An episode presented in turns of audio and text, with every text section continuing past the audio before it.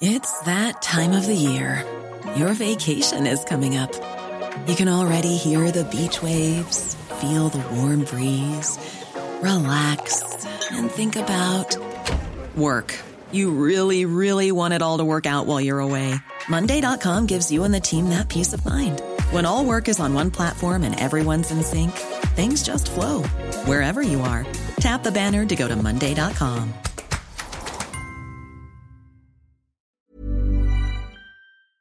Hallå, hallå och hjärtligt välkomna ska ni vara till ett nytt avsnitt av Öjsnack med Sören och Mackan. Det är jag som är Sören. Och det är jag som är Marcus. Vi är blå och ska andra laget slå. Hej! ÖIS är världens bästa gäng, gäng, gäng. ÖIS är laget som tar två poäng. Nu vi spelar bollen kvitt och rätt. Vi ska vinna lätt. Idag så kommer vi framförallt att snacka upp derbyt mellan ÖIS och Gais, men vi kommer också att eh, diskutera matcher som har varit, ÖIS Vasalund och AFC ÖIS. Och eh, sen kommer vi också prata om matchen mot Norrby som kommer efter gais matchen och lite annat smått och gott i vanlig ordning. Vi kan väl börja med en något oväntad nyhet som, som nådde oss i ja, två dagar innan det här spelas in, tror jag, eller om det var igår. Att eh, ÖIS har värvat en ny spelare, Marcus. Precis, det är eh, Erik Nolgren, ännu en av de här som anländer från eh, Lindome då, eller har, varit i Lindome innan. Ehm, så, så det är ju en, en central mittfältare som, som kommer in lite då. Vi, som Igor sa så har de följt honom under en längre tid och haft med honom i planerna framöver. Kanske inte riktigt ännu nu utan, eh, utan först kanske till nästa år. Men nu är det lite osäkerhet kring skador och så vidare och därför så väljer de att plocka in honom nu. Ehm, ja, vi vet väl inte så mycket om honom egentligen. Vi har ju inte direkt följt Lindome sådär jättemycket men det, det ska vara en, en, en central mittfältare som, som gillar att liksom styra och ställa på, på mittfältet och, och eh, hålla i bollen. Liksom. Ja, men lite av en eh, playmaker kan man väl kalla det. Eh, står där och, och, och dikterar villkoren ungefär. Och eh, det är en ganska intressant spelartyp som jag tror kommer passa bra i ÖIS. Vi, eh, vi har ju egentligen sett samtliga nyförvärv som kom från Lindome göra det väldigt, väldigt fint. Eh, Hampus Dahlqvist och, och Aydin har varit väldigt fina tillskott till, till ÖIS idag. Och Elias Gustafsson är ju i någon mån också från Lindome. Han har ju i alla fall tränat under Dan och Johan och det lilla intrycket vi har fått av honom har väl känts eh, positivt får vi säga ändå. Ehm, så att eh, Nolgren blir eh, intressant. Det är lite som... Det är lite svårt att säga så mycket om honom. Det är ju ganska svårt att följa Söderettan och sådär. Det går ju inte på de, på de stora kanalerna så att man, man får ju nästan åka dit för att följa matcherna och det, det är ju svårt att göra det i, i pandemitider. Eh, så att eh, Nolgren är ju eh, en spelare som ska bli intressant att lära känna. Eh, Det är någon som vi inte har så bra koll på nu, helt enkelt. Eh, lite mer rutinerad åldersmässigt i alla fall. Det är ju hans första chans på den här nivån, eller vad man ska säga. Så att det blir spännande när han som en lite äldre spelare, han är väl eh, 26, 27 någonting. Och får första gången i sin karriär spela i en eh, elitklubb. Så att eh, det blir intressant. Det blir det. Det är ju lite sådär... Ehm, lite, nu vet vi ju inte riktigt vad som händer med, med Kevin här då, Ackerman. Han gick, utgick ju... Han skadade sig där mot, eh, mot Vasalund så vi får väl se hur, hur det blir med honom framöver. Och sen är det ju lite då osäkerhet kring Anel Nu var han ju med eh, tillbaka då mot, eh, mot AFC där och, och fick en eh, 20-30 minuter ungefär. Så, så det är väl eh, kanske klokt att stärka upp lite på mittfältet om det, om det, nu, om det nu blir lite mer långdragna problem för Kevin och Anel Ja, precis. Och det, är det, som, det enda som är... Det är inte på något sätt oroväckande att vi, att vi värvar Erik, Erik Nolgren. Det är absolut inte det jag menar. Men det som, det som oroar mig lite är ju att man har sagt att man egentligen tänkte ta in honom under vintern. Men att man gör det nu då med tanke på osäkerheten på mittfältet. Det som oroar mig där det är ju att, att det tyder då på att Kevin och Anel kommer att saknas en hel del till och från under hösten. Det är väl inget man vet. Det kan ju vara så att Nordgren har imponerat jättemycket men, men just faktumet att vi börjar värva tidigare än förväntat anger ju att det finns en viss instabilitet på skadefronten på mittfältet. Sen säger jag absolut inte att det är en dålig sak att värva Nordgren, att det finns något oroväckande med det. Jag tror att det kan bli en kanonspelare men, men det intygar att mittfältet inte är helt stabilt just nu.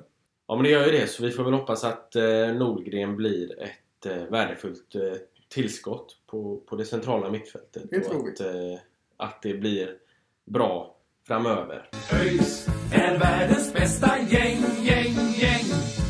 Vi tar väl oss igenom de två matcherna som har varit och börjar med eh, den eh, roliga matchen. Den Mm. mot Vasalund där både du och jag var på plats. Det var 2000 pers i läktaren. Det var publikfest på Gamla Ullevi igen och det var framförallt en otroligt bra match från, från ÖIS. Ja, verkligen. Eh, jag skulle vilja sträcka mig till att säga att det här är den i särklass bästa matchen vi har spelat i år.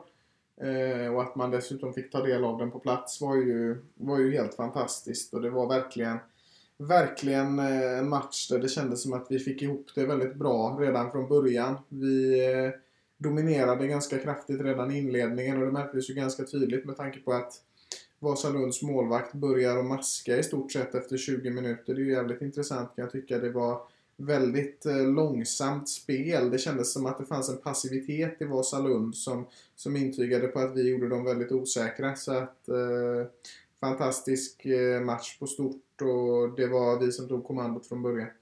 Ja men eh, verkligen, det är som, som du säger att Vasalund gick ju in med en ganska liksom ändå, man får väl kalla det för en pessimistisk inställning. Ja. Liksom de, de ville, ville väl mer, mer eller mindre verkade som försvara ett 0-0 resultat snarare än att och liksom, liksom dra ner tempot och så vidare snarare än att försöka attackera och, och, och få till ett, ett ledningsmål. Till skillnad från ÖIS då som verkligen eh, tryckte på eh, framåt. Vi ser ju redan från början så kommer Dahlqvist där på kanten och, och gör några fina, fina räder och är ju även väldigt nära att göra 1-0 när han blir helt frispelad. Eh, sen lägger han den tyvärr rakt på Vasalunds eh, målvakt där men, eh, men han gör det fantastiskt fint. Det är ju han som spelar fram till både 1-0 målet och 2-0 målet. Nu, nu spelar han ju in den till då när Daniel Paulsson gör 1-0 där så blir det lite fippel längst framåt målet men det är Dahlqvist som gör inspelet där. Och, och även eh, som lägger en genomskäraren till, till Aydin där till, eh, till 2-0 då. Mm. Jag tycker att när Dahlqvist eh, spelar sin bästa fotboll så håller han en klass som är extremt hög och det känns som att han har en väldigt, väldigt stor utvecklingspotential. Jag tror jag nämnt det i tidigare poddar också. Eh, alltså jag tycker faktiskt att Dahlqvist, eh, alltså jag tror att han kan gå riktigt, riktigt långt och han kan lyfta ÖIS riktigt, riktigt mycket. Och jag hoppas vi får ha kvar honom länge för att det känns verkligen som att han utvecklas på, en, på ett väldigt bra sätt under Dan och Johans eh, fotboll. Nu ser man att det, det är inte 100% klockrent varje match, men eh, de gångerna det sitter, vilket blir fler och fler, så tycker jag han spelar en fantastiskt bra fotboll och han har en, en speed som han utnyttjar på ett väldigt fint sätt. Så att eh, se upp för Dahlqvist under hösten. Det, Ja men verkligen, det, det är ju en liksom Hans högsta nivå är ju väldigt hög. Sen så, Ja. sen så är det ju som alltid liksom att jobba med att höja sin, sin lägsta nivå också för att få, få mera, liksom en, en mer jämn insats eh, från match till match och eh, liksom från period till period i matcherna. Så, eh, men liksom det är så som man jobbar längs, längs eh, högerkanten där och ibland även på vänsterkanten. Mm. Och det, är, det är riktigt, riktigt, riktigt fint att se. Sen eh, Eh, sen att han gör de här två inspelen, nu noteras han väl kanske inte som assist eh, där, framförallt kanske inte på Paulsson. Eh, eller ja, mot, mot på Aydin så är han ju assist med en Paulsson så gör han ju inspelet och så eh, blir det som det blir. Men, eh, men, men det är liksom det, han gör ju poäng då också liksom. Så det, Mm. ja, det är en, en spelare som är väldigt värdefull för eh, just nu. Ja, men definitivt. Det, det är det absolut. Och det, det tog, precis som för Aydin kändes det som att det tog några matcher där att komma in i det. Men när de väl hade vant sig vid superettan-tempot och anpassat sig till det så gjorde de det kanonbra. Och det fortsätter bara i positiv ton. Aydin, två mål även i den här matchen. Det, det är ju det är otroligt vilken, vilken, vilken målskytt han är. Alltså, han imponerar ju extremt mycket nu. Ja men verkligen. Det är ju skytteligaledning säger ju, säger ju sitt liksom. Eh, och, och, och så som han, han spelar. Han är på rätt plats vid rätt tillfälle och liksom 3-0 målet är att han eh, i samspel då med Anton Andreasson som, som gör eh, assisten där. Andreasson som också ju liksom på andra kanten där om vi pratar Dahlqvist på ena så gör Andreasson det riktigt, riktigt bra på, på andra också och, och står ju för assisten där till, till 3-0 där Aydin är framme och, och nickar stolpe in då. Så, så det är ju ett fantastiskt samspel de, de två Mm. emellan vid det 3-0 målet och, och äh, Aydin gör ju, gör ju en klockren match eh, mot Vasalund också. Ja, definitivt. Och det har varit en, en ketchup-effekt för honom också. Det var väl första fem matcherna tror jag inte han gjorde mål på, eller om det var första fyra. Och sen kom det där målet som han gjorde mot Västerås och sen är det som att det bara har fortsatt för honom. Och, och han har verkligen exploderat och det, det är bara att, att hålla i det och, och fortsätta köra på liksom. För att han är, han är helt fantastisk just nu, Aydin. Verkligen. Ja men verkligen. ÖIS är världens bästa gäng, gäng, gäng. Vi eh, går väl över till eh, den eh, lite mer tråkiga, dystra insatsen som vi fick se mot, eh, borta mot AFC i, i Eskilstuna på Tunavallen. Det var ju en väldigt, väldigt dålig match får man säga rakt igenom. Så vi ska väl inte prata sådär jättemycket om den matchen. Men den var inte bra. Det är inte så mycket att säga egentligen. Alltså, det känns som att varje säsong så har man en total genomklappning, en total kollaps. Det, jag menar, någon match av 30 så kommer, ju, kommer det ju gå så här. Jag menar visst, vi hade matchen mot Helsingborg där vi också släpper in fyra mål, men då har vi också en utvisning med oss och sådär. Det här är ju, vi, vi skulle säga det också att vi möter ju ett lag som är fruktansvärt hemmastarkt. Det ska man faktiskt komma ihåg med AFC. De har inte förlorat en enda på, på hemmaplan. Så att eh, Tunavallen med alla sina många, många fans. Det är svårt att spela där borta. Nej, men skämt åsido så, så är de ju det. Trots att de inte har några fans. Bra på att spela hemma och det faller ju, faller ju vi. Får ju också falla ganska rejält. Ja, men det, det, det känns som liksom vi, vi inleder ändå helt okej. Ja. Andreasson gör det riktigt, riktigt bra i, i, i anfallsspelet där i början och står för några eh, inlägg som blir liksom ändå nästan, nästan lägen sådär. Så, så han gör det fantastiskt bra. Sen så är det lite sämre bakåt då, men, men Fredrik står ändå för några, några fina räddningar och sådär och, och, och håller oss lite kvar i matchen. Sen så får de två mål innan paus och sen, eh, sen när de väl får in eh, 3-0 målet då, då känns det som att då, då, då, då, då klappar vi igenom totalt och då, då är det liksom inte värt att kämpa för längre känns det som eh, att, att spelarna liksom man tappar lusten lite grann liksom. Ja, det gör väl alla liksom i en sån match oavsett hur, hur eh, bra spelare eller stor supporter man är så är det klart det är jävligt tungt att, att ligga under med 3-0 och det är väldigt lätt att man tappar det då. Och det, jag menar, det, det är sånt här som händer. Nu gick det åt skogen. Det är bara att lära sig av, av misstagen och jag menar, vi, det är absolut... Det känns som att det finns in, det är inte ett krisläge i ÖIS på något sätt heller. Jag menar, vi ska aldrig förlora en match med 4-0. Det är, det är inte acceptabelt. Det är inte bra.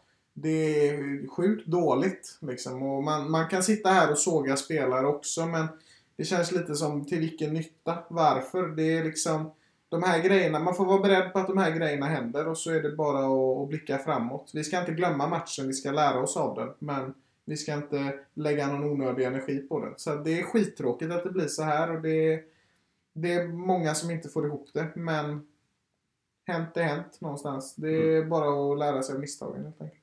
Ja men så är det. det om man ska dra någonting som är, är lite roligt med den här matchen så är ju att eh, Anel Raskai är tillbaka och gör sin, sin första match på, på ganska länge. Eller, ja, han hoppar ju in i, i ungefär 70 minuten så, så det är ju, är ju väldigt spännande. Vi får ju se om han, eh, om han eh, tar, tar plats i elvan då mot, mot eh, Gais eller om det blir Nordgren eller vem det nu blir som, som tar plats eh, bredvid Browning får vi väl anta då. Eh, men det kan ju också bli William Svensson. Precis, det var det jag... Det är det jag sitter här och, och viftar om. Det, är- det är ju så att William Svensson har, eh, fick ju göra sin debut här mot AFC och ja, gjorde det helt okej. Ehm, eller inte sin debut, men sin debut från start ska jag säga. Och det var, det var roligt att se honom göra det och det är nog inte alls omöjligt att vi får se honom starta två matcher och sen Sen måste vi säga det att Browning är ju en spelare vi ganska sällan nämner, men han är ju en väldigt, väldigt viktig kugge i ÖIS och alltid där på våra fasta situationer. Han är ju kanske inte den typen av poängspelare som, som Andreasson exempelvis är och därför kanske vi inte pratar om honom jätteofta. Men, men Browning är en sån som alltid är på plan och alltid jobbar hårt och som faktiskt förtjänar rejält med cred för det han gör. Det, det är en eh, spelare som, som alltid är stabil. Det är, jag tror aldrig egentligen att Browning har klappat igenom. Så att... Eh, Nej, nej alltså han har gjort, det är klart att han har gjort bättre och sämre insatser men, men jag, jag tycker aldrig liksom det, han, är aldrig, han har ändå, hans lägsta nivå är ändå liksom en, på, på en bra nivå. Så Browning tycker jag är en spelare som eh, liksom, jag, jag tror han liksom i ÖIS-kretsar så får han kanske inte så- som du säger så mycket cred utan han, han kanske inte får så mycket, han, han kanske får lite skit liksom så utifrån Mm. men, men liksom han är en, en spelare som jobbar väldigt, väldigt hårt och en spelare som, som liksom en spelare En som spelare som- förtjänar att hyllas. Ja men verkligen en spelare som behövs men, men som kanske inte är den som, som syns eller hörs mest. Nej men så är det ju. Alltså det, det finns alltid sådana spelare. Jag menar det, det finns alltid de här som gör poängen och generellt i fotbollssammanhang så är det poänggörarna och målvakten och kanske någon back då, Sangré till exempel, som har gjort det fantastiskt bra. Som, som får väldigt mycket uppmärksamhet. Och sen finns det de som inte nämns lika ofta men som, som gör det minst lika bra liksom. De som, som kanske inte är de som gör målen och, och inte, ja, upp, av uppenbara skäl, de som gör de fantastiska räddningarna men som, som alltid är med som trygga utposter och Browning är absolut en sån skulle jag säga. Ja men det är han. Det är han verkligen. Eh, om, någon, om man bara ska säga någonting mer om, om den här AFC-matchen så är det ju faktiskt väldigt nära att vi får med oss ett mål i alla fall på en frispark som Hannes Salin drar in i, i stolpen. Det hade ju varit ett, klassiskt eh, Hannes Salin-mål Ja. om den hade gått in. Det hade varit fantastiskt och jag hoppas få se mer av, eh, av Salin eh, i år. Eh, han, eh, han är en, eh, en person och en spelare med stort öjshjärta som, som verkligen hade förtjänat det målet. Men det kommer säkert senare. ÖIS är världens bästa gäng, gäng, gäng. Det gör det. Det kanske kommer på eh, tisdag nästa vecka. Då är det derby. Och det har vi sett väldigt, väldigt mycket fram emot. Att få gå på ett derby igen. Ja, ja men det är det. Vi ska, vi ska göra kaos på, gamla Ulle, på Nya Ullevi. Jag vet inte vilken som är vilken, men den stora där man har friidrottstävlingar ibland. Det, det kommer bli helt fantastiskt med ett derby. Vi ska få gå på ett derby för första gången på två år nästan. Det, det är så pass länge nu. Och, och det, det, alltså det, det här är EM-finaler, OS i all ära. Det blir inte större än så här för mig. Nej men det, det blir ju inte... Det är ju... Alltså det, det kommer vara helt, helt underbart. Och, man flyttar ju det till, till Nya Ullevi då för att få plats med ungefär 9000. Så det kommer ju vara...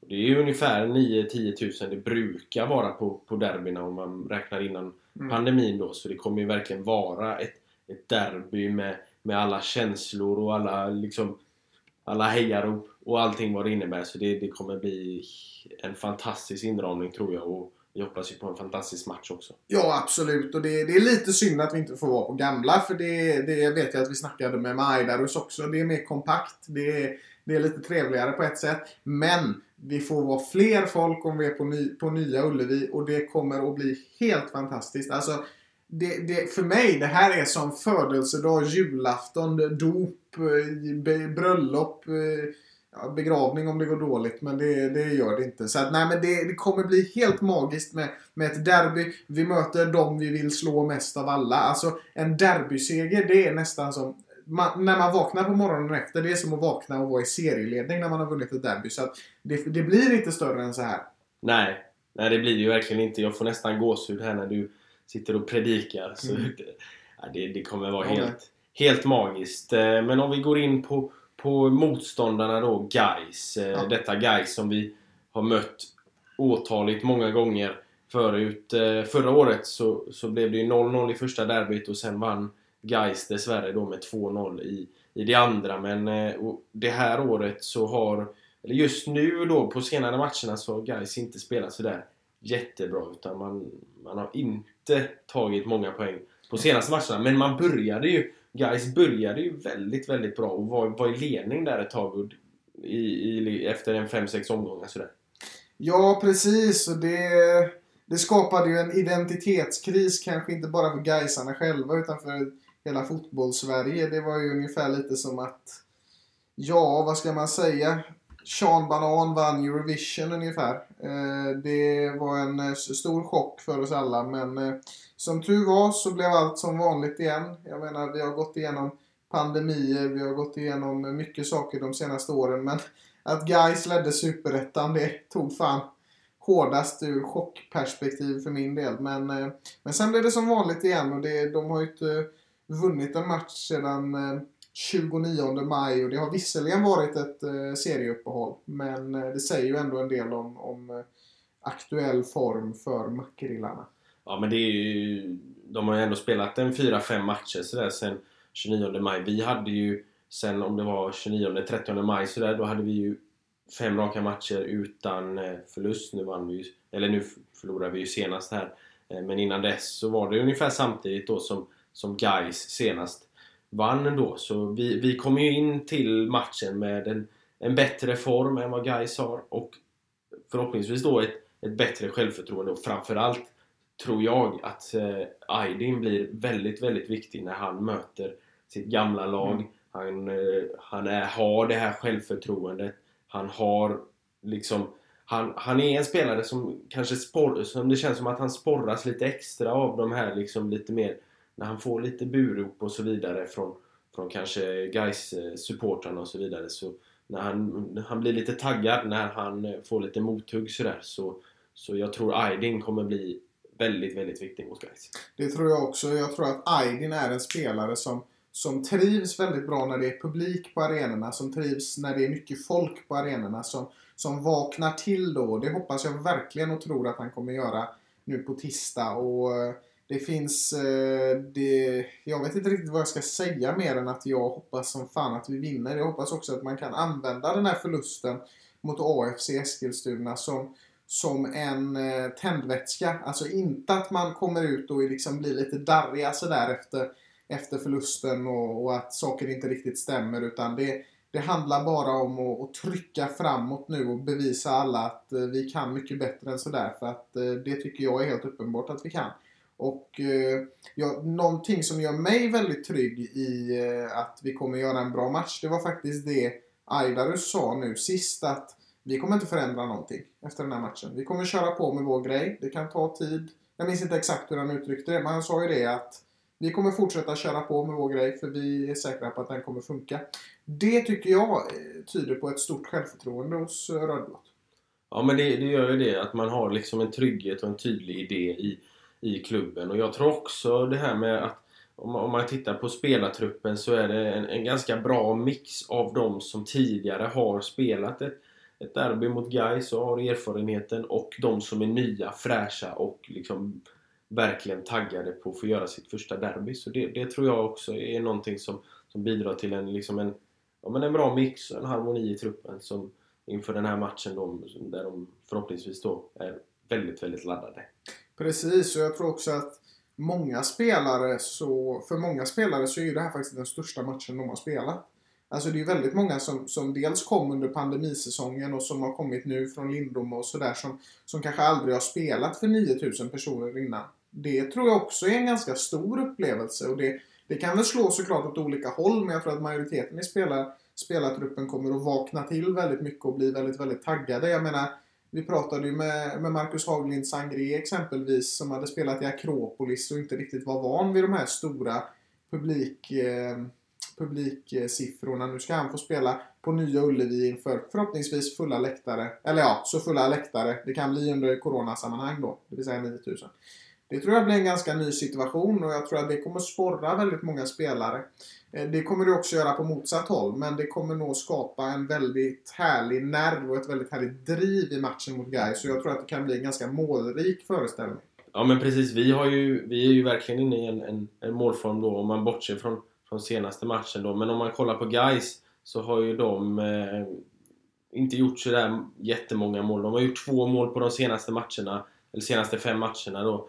Eh, men, men däremot så har de liksom ganska många avslut på mål och så vidare. Så, så de, liksom, de, de hittar fram till bra lägen och så vidare. Men de får inte in målen och det, det är ju väldigt trevligt för, för oss då eh, i, i ÖIS. Eh, om man tittar också på, på Gais senaste matcher så har de eh, 1-1 senast mot Akropolis och där skaffade de faktiskt, kollade upp det innan, då skaffade de 9 skott på mål. Men lyckades bara göra ett mål. Så det, det säger ju en del om eh, skärpan i, i Gais eh, avslut och, och, och så. Eh, dessförinnan så förlorade de 2-0 mot eh, Brage. Det säger ju också en del i och med att Brage har ju varit ganska usla.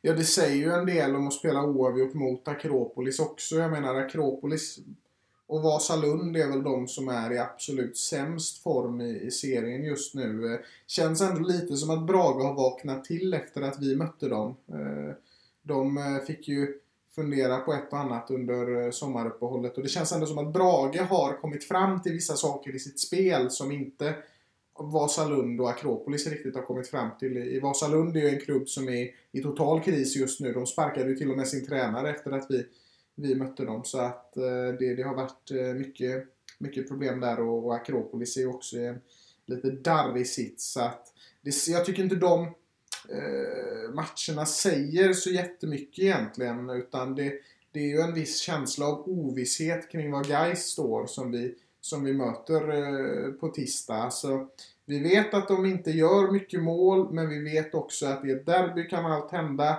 Visst, de hade nio skott på mål, men mot ett lag som inte var i bra form. Det blev bara ett mål av det hela också. Det känns svårt att beskriva vad vi har guys. Jag tycker att eh, vanligtvis när vi ska möta ett lag så är det ganska enkelt att peka ut på ett ungefär var de står. Det finns vissa lag du aldrig kan tippa någonting om. Eskilstuna är ett sånt. Men guys brukar man ändå kunna sätta fingret på lite. Det känns som att vi kan inte riktigt göra det på det sättet inför det här derbyt i alla fall. Ja men så det ligger ändå någonting i det du säger. Eh, de, det är också så, vi, vi vet ju att liksom när de väl spelar bra så gör de det väldigt bra eh, om vi kollar på, på hur, hur de spelade i, i säsongsinledningen. Men sen så kan de då åka på de här riktiga bottennappen också. Så det, ja, det är, det är lite, lite svårtippat men, men eh, vi får ju hoppas att de inte gör sin bästa insats. Eller framförallt att ÖIS gör en väldigt, väldigt bra insats och, och att vi slår guys.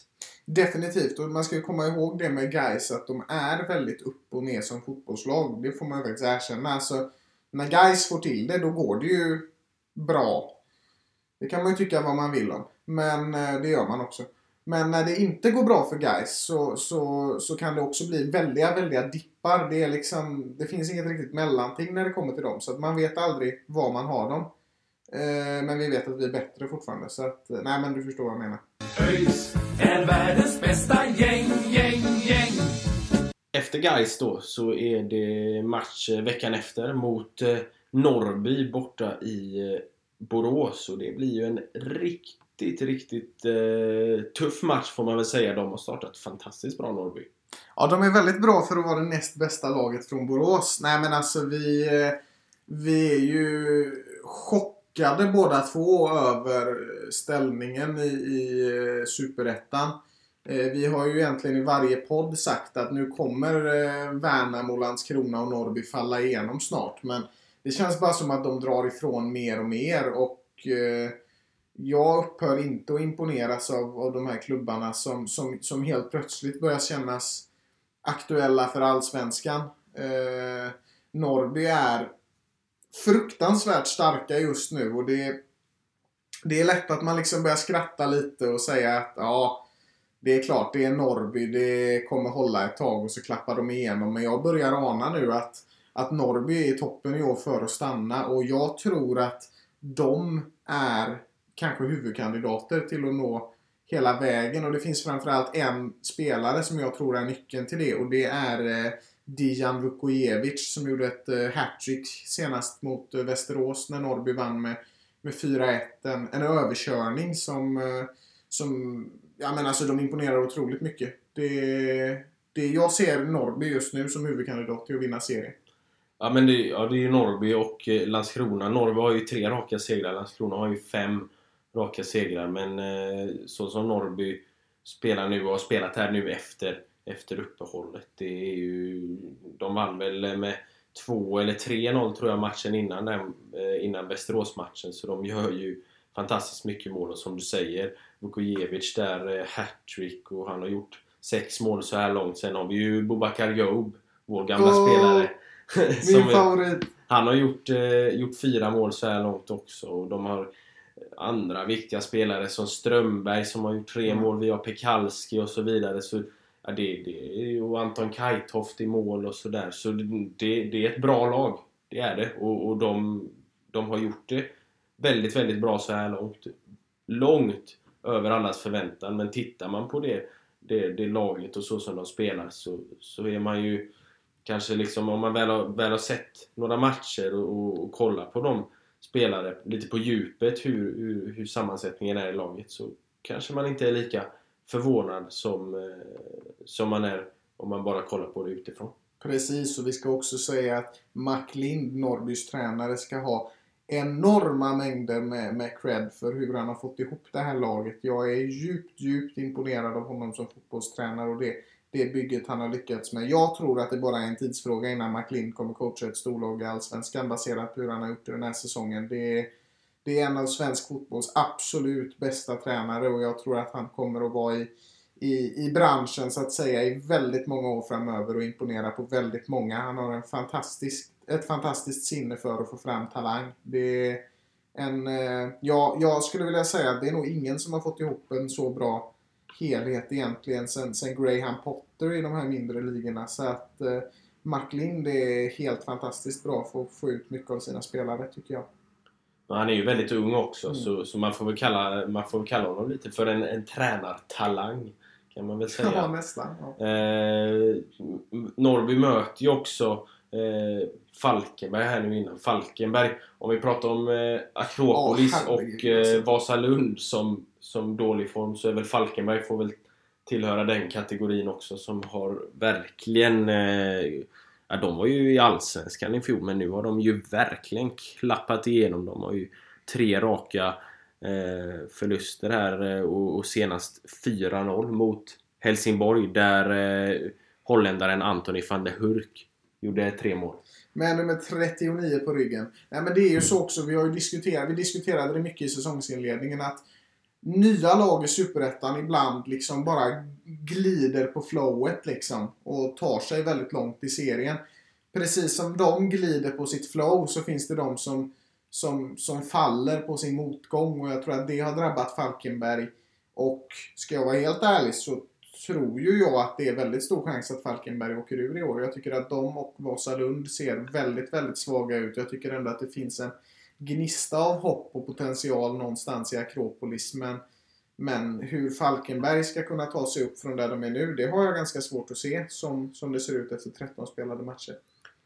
Ja men så är det. Eh, det, det är väl liksom eh, Falkenberg och, eh, och Vasalund som, som är de stora nedflyttningskandidaterna får man väl säga. Och nu Ja. även på senare tid så tycker jag att Västerås har gjort... De är ju inte alls i, i bra form så, så om de inte kan vända på det så får väl de se upp på nedflyttningsstrecket också. Precis, och jag tror att en faktor som höll Västerås på den eh, vad ska man säga, på den eh, placering i tabellen de var. Det var ju Gustav Lagerbielke, väldigt duktig spelare som nu har gått till Elfsborg och det har blivit ett väldigt, väldigt kännbart tapp för, för västeråsarna. Och, ja, de eh, sitter inte säkert. Det, det är aldrig någon som går säker i den här ligan men, men Västerås kan få det riktigt eh, hett om öronen under den här hösten, det tror jag. Ja, nej, men så är det ju. Så är det ju verkligen. Det är ju... det blir spännande att se vad, vad, eh, vad det lider här. Eh, hur, hur det utvecklar sig. Eh, men vi, vi får väl nöja oss så för idag och så får vi ladda upp inför matchen på, på tisdag där vi förhoppningsvis då ska gå om guys i, i tabellen och klättra upp på en tionde plats. Ja, spänn fast säkerhetsbältena damer och herrar för nu är det dags för årets viktigaste match och jag tänker inte säga mer i det här avsnittet nu än krossa grönsvart. Precis. Så med de orden så tackar vi för oss och så ses vi på Nya Ullevi på tisdag. Ha det gött! Hej! Vi är blå och andra laget slå. Hej! ÖIS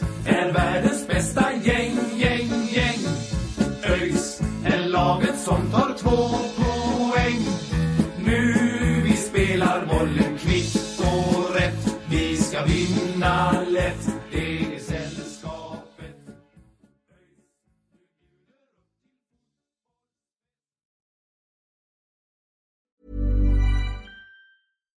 Hi, I'm Daniel, founder of Pretty Litter. Cats and cat owners deserve better than any old fashioned litter. That's why I teamed up with scientists and veterinarians to create Pretty Litter. Its innovative crystal formula has superior odor control and weighs up to 80% less than clay litter. Pretty Litter even monitors health by changing colors to help detect early signs of potential illness. It's the world's smartest kitty litter. Go to prettylitter.com and use code ACAST for 20% off your first order and a free cat toy. Terms and conditions apply. See site for details.